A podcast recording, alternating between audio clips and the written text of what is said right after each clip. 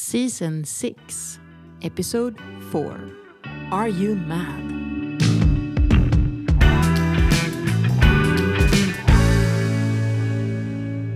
That's the name of this episode. And Hunter, you have a few stories to share here.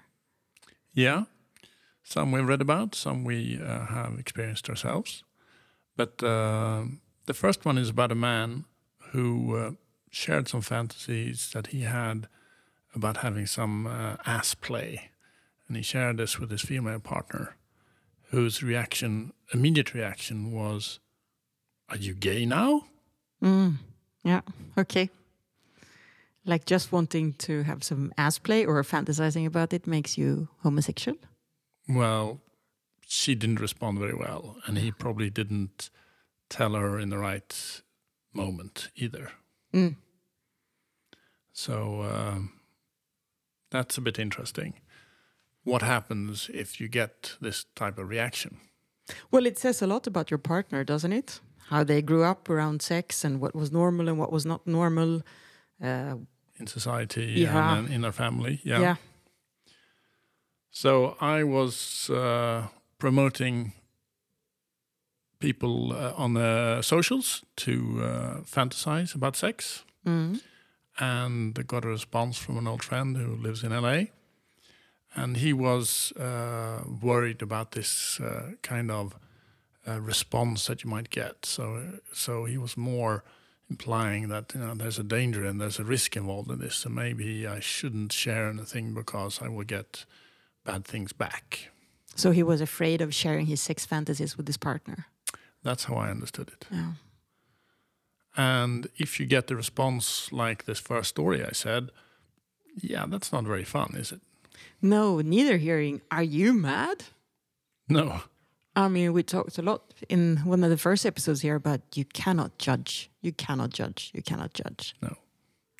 So sure, there is a risk in this, but maybe part of the risk is you shared it at the wrong time or you didn't set it up properly. You weren't in agreement of uh, what you were about to do Mm-hmm. and what was expected of uh, the teller or the listener. Mm. So maybe it was a, a poor, poorly chosen uh, time. Yeah, you didn't set yourself up for success in this communication. But Yeah. it is also valuable because if your partner, the one who listens, if their response is like this, are you gay? Are you mad?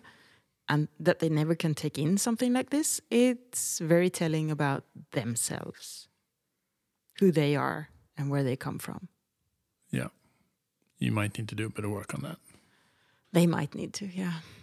but there is uh, also great chances for development Mm-hmm. and maybe great sex. Mhm. What if you both actually share a fantasy very similar Mm. and actually turn it into a desire and, and do it? That might be very erotic and, and exciting.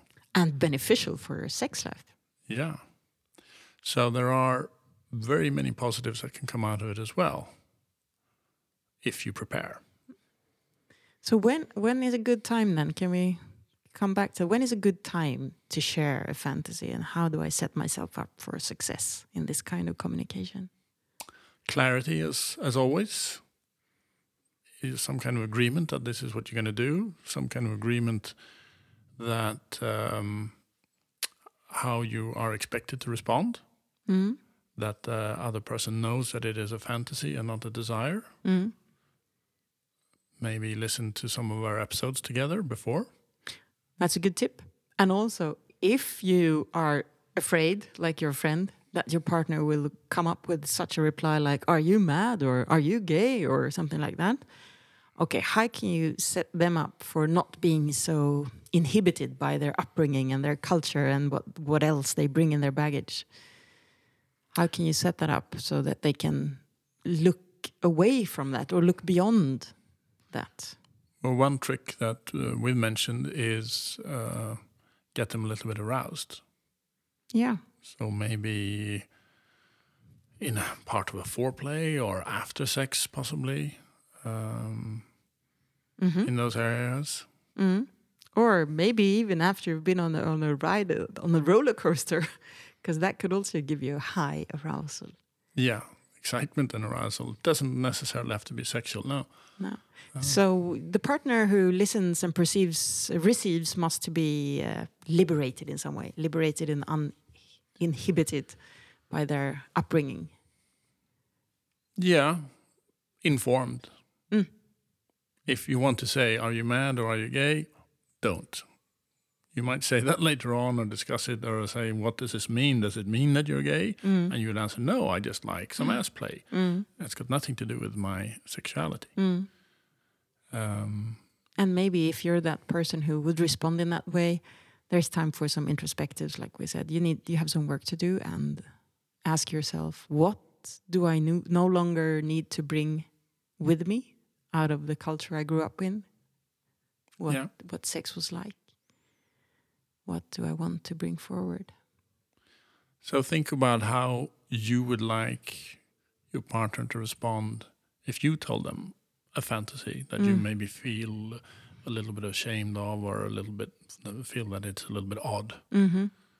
and really try and respond in the same loving way. Mm. Like your partner is someone you really care about. Yeah. We hope that's so. And good luck. Take the risk. And you're not bad. You're Mm. fully normal.